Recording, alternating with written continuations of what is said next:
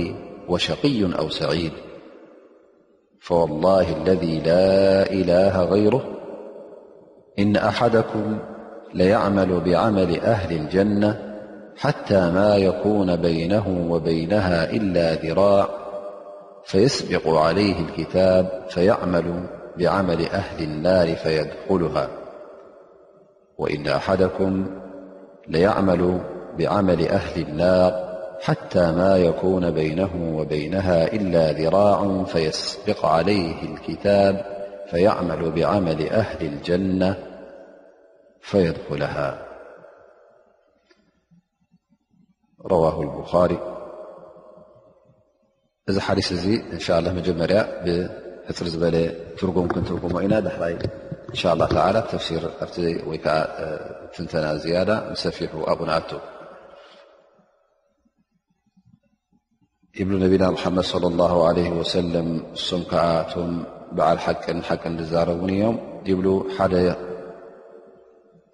ማለት ሓደ ካባኹም ማለት ካባካትኩም ደቂ ሰብ ኣብ ማፀን ኣዲኡ ንኣርበዓ መዓልቲ ኖጡፋ ይኸውን ትፋእ ማለት እዩ ብድሕሪኡ ከዓ ዓለቃ ይኸውን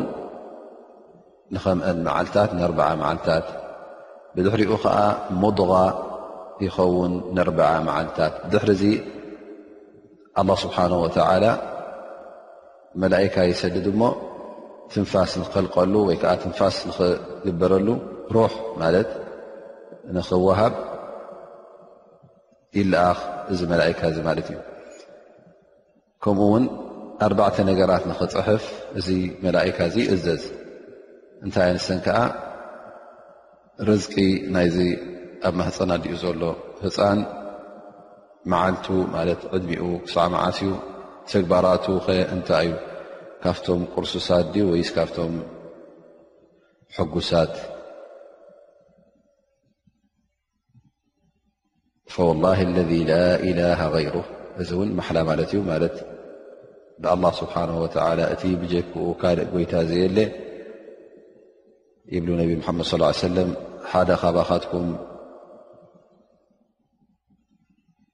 ተግባር ናይ ሰብ ጀና ክገብር ጸኒሑ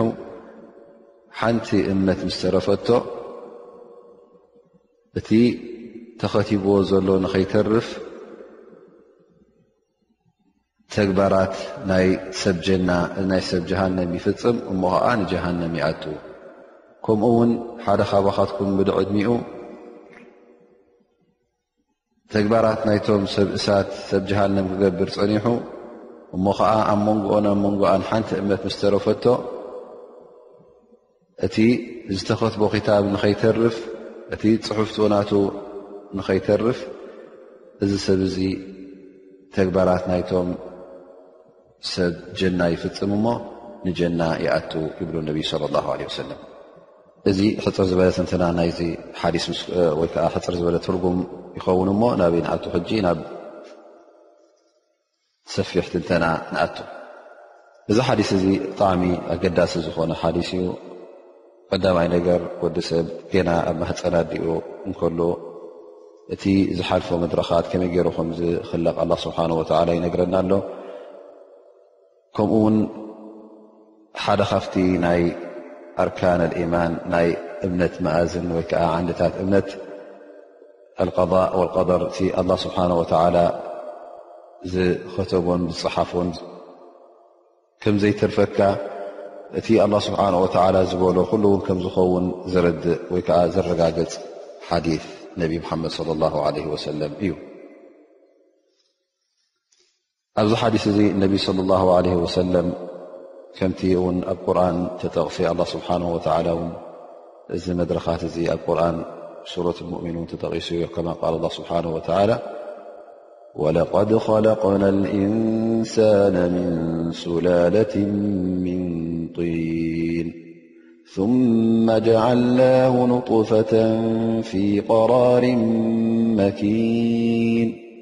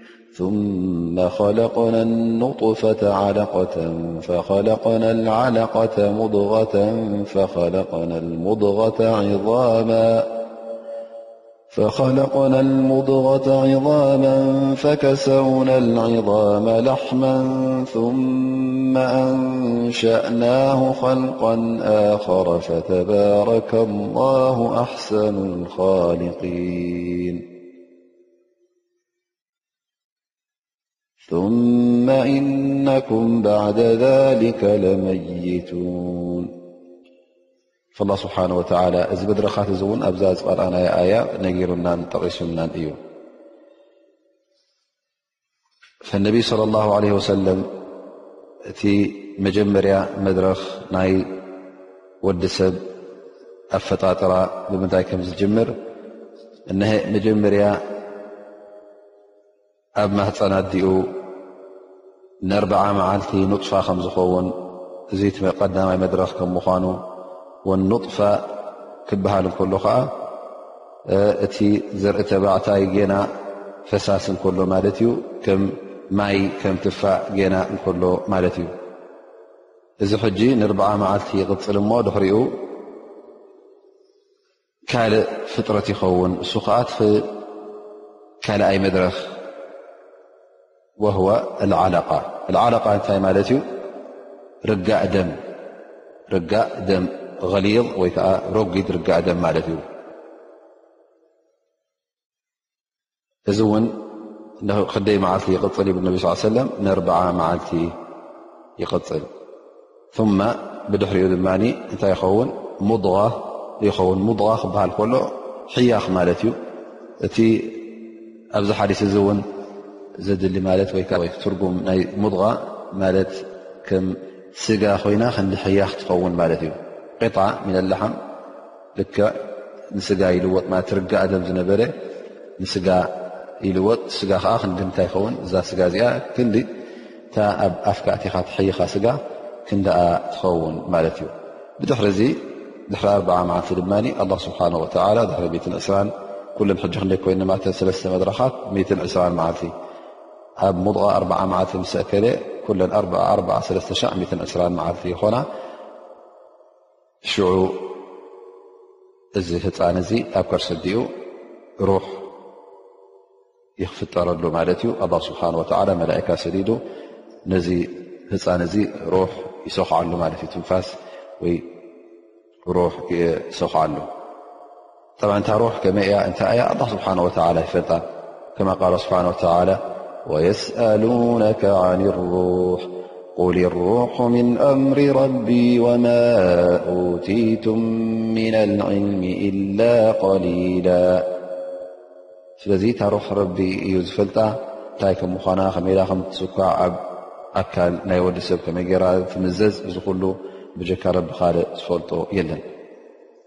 እዚ ሓዲስ እዚ ካብቲ ቀንድታቱ እንሀልካ ደኣሲ እቲ ኣላ ስብሓን ወተዓላ ዝቀደሮ ገና ኣብ ከርሲ ኣዴኻ ከለኻ ማህፀን ኣዴኻ ከለኻስ እቲ ኣላ ስብሓን ወተዓላ ዝፈልጦ ዝነበረ ኩሉ እቲ ኩን ዝበሎ ኣላ ስብሓን ወተዓላ ንሱ ከም ዝኸውን ክንኣምን ከም ዘለና እዩ እዚ ሓዲስ እዚ ዘረጋገፅ ምክንያቱ እቲ መላእካ መፂኡ ገና ኣብ ከርሲ ዲኡ እንከሎ ውን ተን ዝፅሓፋ ነገራት እቲ ሽሻይናቱ ርፅቅናቱ እቲ ዝበልዖ ኣብ ኣዱንያ እንታይ ከም ምዃኑ ይፅሓፈሉ መዓልታቱ ተን ውሱናት መዓልታቱን ዕድሚኡ እንታይ ከም ምዃና ክንደይ ከም ምዃነን ሽዑ ይፅሓፋሉ ሸቅዩን ኣው ሰዒድ ድዩ ወይ ከዓ ቅርሱስ ድዩ በዓል ሰናይ ድዩ ኣብ መጨረሽትኡ ንጀና ድዩ ንጀሃነብ ድዩ እዚ ኩሉ ኣላ ስብሓን ወተላ እዩ ዝፈልጦ ኢዘን እዚ እንታይ ማለት እዩ ኣላ ስብሓን ወተላ ኩሉ እቲ ወዲ ሰብ ዝገብሮ ጌና ከይተፈጠረ ከሎ ኣላ ስብሓን ወተላ ይፈልጦ እዩ ናይ ቀደም እዩ ተወሲኑ እዩ እውን ጠብ እዚ ከንብል ከለና ድማ እንተ እቲ ኣላ ስብሓን ወተላ ናይዚ ሰብ እዚ ፈልጦ እዩ ኩሉ እንትናት ኩሉ ዕድሚኡ ይኹን ርዝቁ ይኹን ሽሻ ይኹን ኩሉ ነገራቱ ይፈልጦ ዩ ክንብል ከለና እዚ ማለት ከዓ ኣይትስራሕ ማለት ኣይኮነን ኣላ ስብሓን ወተላ ክእለት ኣይሃበካን ማለት ኣይኮነን ምክንያቱ ኣላ ስብሓን ወተላ ንወዲ ሰብ ኣብ ቁርን ይኹን ኣብ ሱና ይኹን ኣብ ተግባር ወንሕና ንፈልጦ ክእለት ከም ዘለዎ እዩ ገይሮ ከሊቁዎ ንገለ ነገር ንክገብር ከምዝኽእል ንገለ ነገራት እውን ከምዝኣብ ከምዝኽእል እዚ ክእለት እዚ ኣላ ስብሓን ወተላ ሂብዎ እዩ ስለዚ ምስቲ ፍልጠት ናይ ኣላ ስብሓን ወተላ ምስ ረቢ ዝቀደሮ ኣይገራጮን እዩ ምክንያቱ ገለ ሰባት እዚ ጉዳይ እዚ ተገራጨወ ይመስሎም ግን ተገራጨወ ኣይኮነን ኣላ ስብሓን ወተላ ወሲንዎን ፈሊጥዎን ንስኻ እውን ኣላ ስብሓን ወተላ እንታይ ሂቡካ እዩ እቲ ክእለት ሂቡካ እዩ ደረጃ ናይ ክእለት እውን ውሱን ክእለት እዩ ትኽእለትካ ግን ኣለካ ከምኡ ውን እዚ ሓሊስ እዚ ዘረጋግፆ እንተኣ ርኢና እንታይ እዩ እቲ ኣብ መጨረሻ ዕድሜኻ ትገብሮ ስራሓት ወሳኒ ከም ዝኾነ ወይ ንጀና ወይ ንጀሃነም ይኣትወካ ከም ዝኾነ ገለ ሰባት ምሉእ ዕድሚኦም ኣብ ሰናይ ፀኒሖም ኣብ መጨረሻ ዕድሚኦም ኣብ ጌጋን ኣብ ጥፍኣትን ምስ ኣሕለፍዎ እቲ ናይ መጨረሻ ንሱ ወሳኒ ስለ ዝኾነ እዞም ሰባት እዚኦም ንጀሃነም ይኣትዉ ገሊኦም ድማ ምሉእ ዕድሚኦም ኣብ ገበን ኣብ ጌጋ ፀኒሖም ኣብ መጨረሻ ዕድሚኦም ተባ ኢሎም ናብ ረቢ ክምለሱ ከለዉ ረቢ ስብሓን ወተላ ተባ ኣብለሎም ረቢ ይምሕሮም ነልካ ደኣሲ ንጀና ውን ይኾኑ ስለዚ እቲ ኣብ መጨረሻ ዕድሜኻ ትገብሮ ተግባራት ወሳኒ ስለ ዝኾነ ኩሉ ግዜ እውን ኣላ ስብሓን ወተላ ሑስነል ካቲማ ክበካ ማለት ካቲማኻ መደምደምታ ናይ ህወትካ መጨረሻ ናይዛ ዓለም እዚኣ ዕድሜኻስ ኣብ ሰናይ ኣብ ር ንኸሕልፈልካ ኣ ስብሓ ወላ ናብኡውን ኸስምረልካ ድዓ ክትገብር እውን ኣድላይ ይኸውን ማለት እዩ እዚ ሓዲስ እዚ ዝረኣናዮ ሓዲስ ዑለማ ብዙሕ ፋይዳታት ኣውፅኦምሉ እዮም እንታይ እንታይ ረብሓን ጠቕምን ከም ንረኽበሉ እንታይ ዓይነት ኣስተምሮ እንወስደሉ ዑለማ ብዛዕባ እዚ ሓዲስ እዚ ብዙሕ ተዛሪቦም እዮም ኩሉ ግዜ እውን ሓደ ዓለም ምምክን ክልተሰለስተ ፋይዳ የውፅእ እቲ ድሕሪኡ ዝመፅእ ዓለም ኣርባዕተ ሓሙሽተ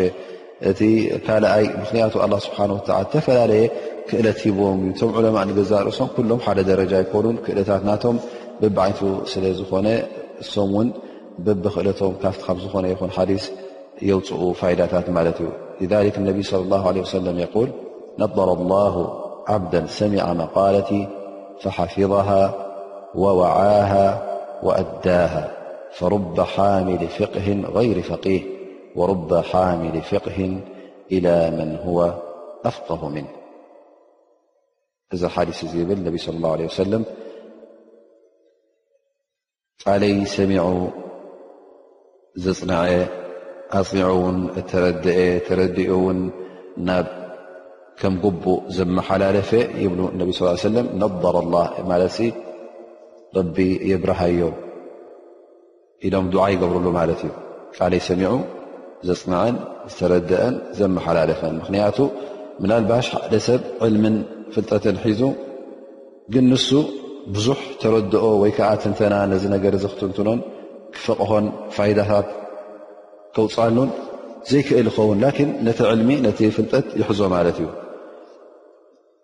ምኽንያቱ እስኻ ውን ይብሉ ነቢ ስ ወረባ ሓሚል ፍቅህን ኢላ መን ዋ ኣፍቀህ ም እስኻ ሕጂ እታ ዝሰማዕካያ እቶም ዝሰምዑዋ ብቐጥታ ናብ ካልእ ሰብ ክብፅሓ ከሎ እቲ ካልእ ውን ብዝያዳ ካባኻ ዝርዳእ ይኸውን እስኻ ምናልባሽ ዕልሚ ሒዝካ ኣለኻ ግን እታ ሒዝካያ ዘለካ ዕልሚ ናብ ካባኻ ዝያዳ ዝፈልጥ ዝያዳ ክትንትንን ክራቕቕን ዝኽእል ዓለም ውን ትረክብ እሞኒ እዚ ዓለም እዚ ነዛ ሓዲስ ናይ ነቢ ስ ላ ሰለም ክሰምዑ ከሎ ካብቲ እስኻ እትፈልጦ ነበርካ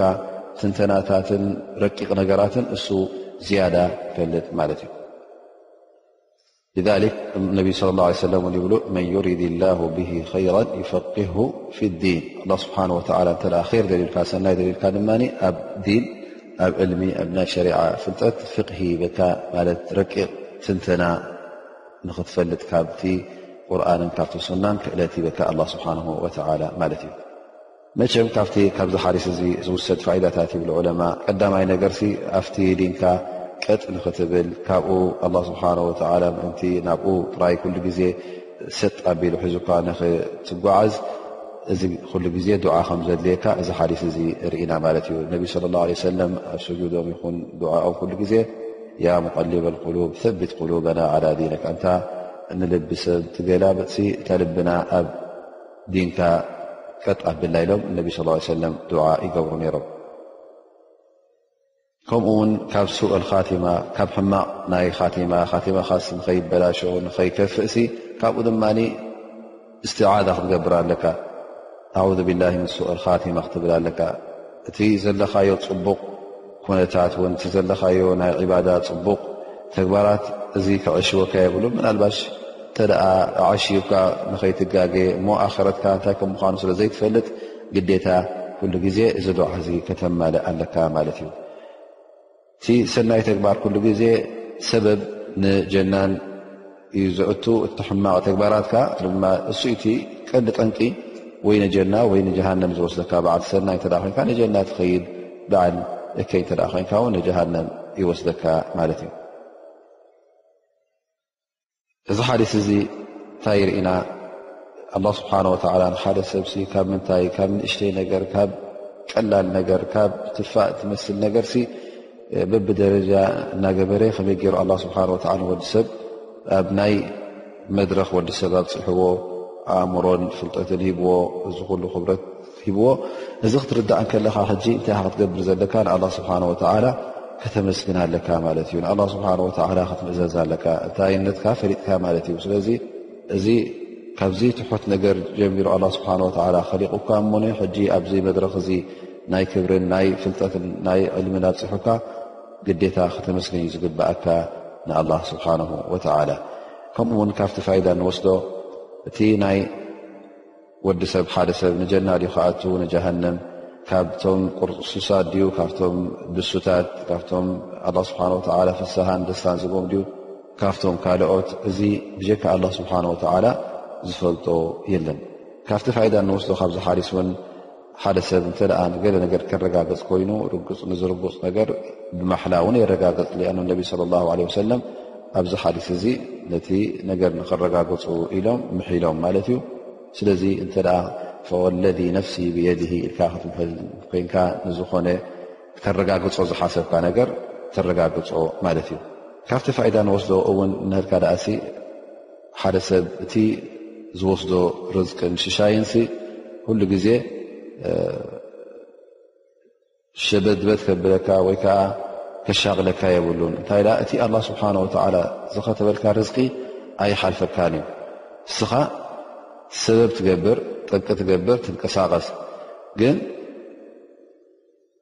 እስኻ ተንቀሳቒስካ እቲ ካልኣይ ትሳለሳይ ተንቀሳቒሱ ግዴታ ኣይኮነን ኩልኹም ሓንቲ ዓይነት ርዝቂ ክትረኽቡ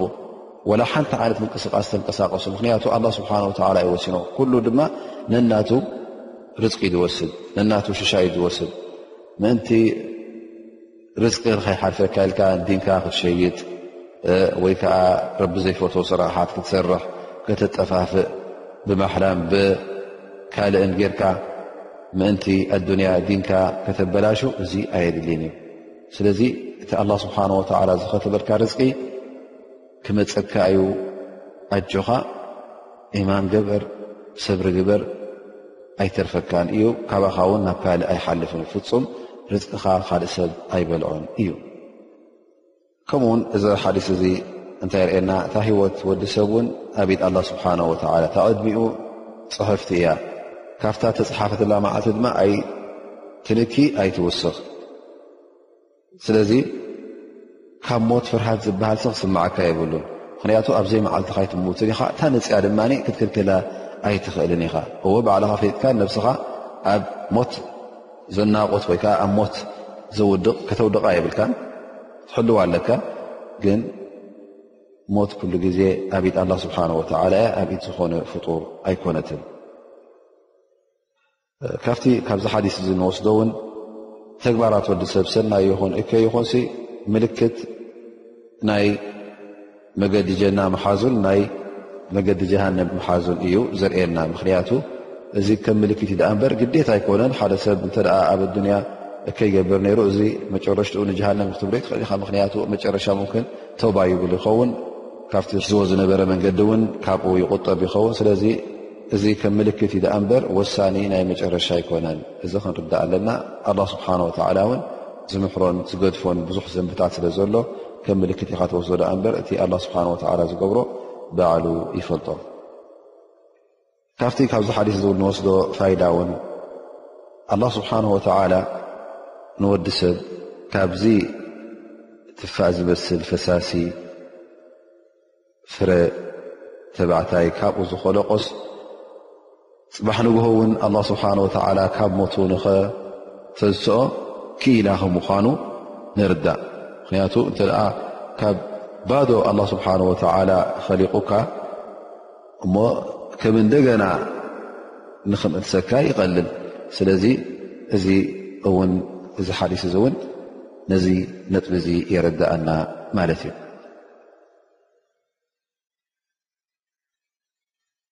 ካብዚ ሓዲስ እዚ እውን ዑለማ እንታይ ወሲዶም ማለት እዩ እንተ ህፃን ወዲ ማለት ገና ኣብ ከርሲ ድኡ ከሎ ዕድሚኡ ኣርባዕተ ወርሒ ምስ ኮነ እተ በርዒኑ ማለት እጅሃድ እተ ኮይኑ ምዉት ማለት ካብ ማህፀና ዲኡ እንተ ወፅኡ ሩሕ ተኸሊቃቶ ስለ ዝነበረ ድሕሪ ኣርባዕተ ወርሒ ዕድሚትን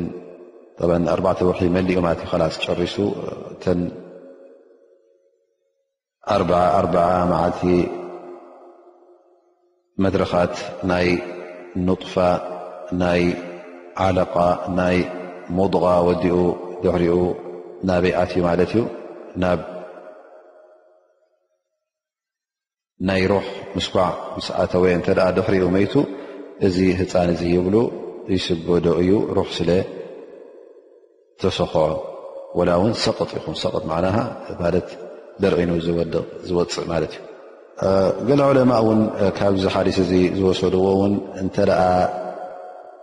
ህፃን ሩሕ ዘይተኸለቑ ኮይኑ ቅድሚ ሩሕ ምኽላቑ እውን እዛ ሰብ እዚኣ ኣዲኡ ገለ ሽግራት እንተ ዘጓንፍ ኣሎ ኮይኑ እቲ ምጥናስ ሽግር ከምፃላ እተ ኮይኑ ቅድሚ ኣርባዕተ ወርሒ ማለት ቅድሚ ዕሚትን እስራን መዓልቲ ኣዲኡ ክትሰዶ ይፍቀድ እዩ ወይ ከዓ እዚ ህፃን እዚ እዚ ዕሸል እዚ ኣብ ከርሲ ዲኡ ዘሎ እንትሰደደቶ ኣብ ሸርዒ እዚ ይፍቀድ እዩ ዝበሉ ዕለማ ኣለዉ ማለት እዩ ምክንያቱ ገና ሩሕ ስለ ዘይተኸለቁ ግን ስቁኢልካ ክኸውን የብሉን እንታይ ደኣ ቅቡል ምክኒት ሸሪዓዊ ምክኒት እንተደኣ ኣሎ ይብሉ ዕለማ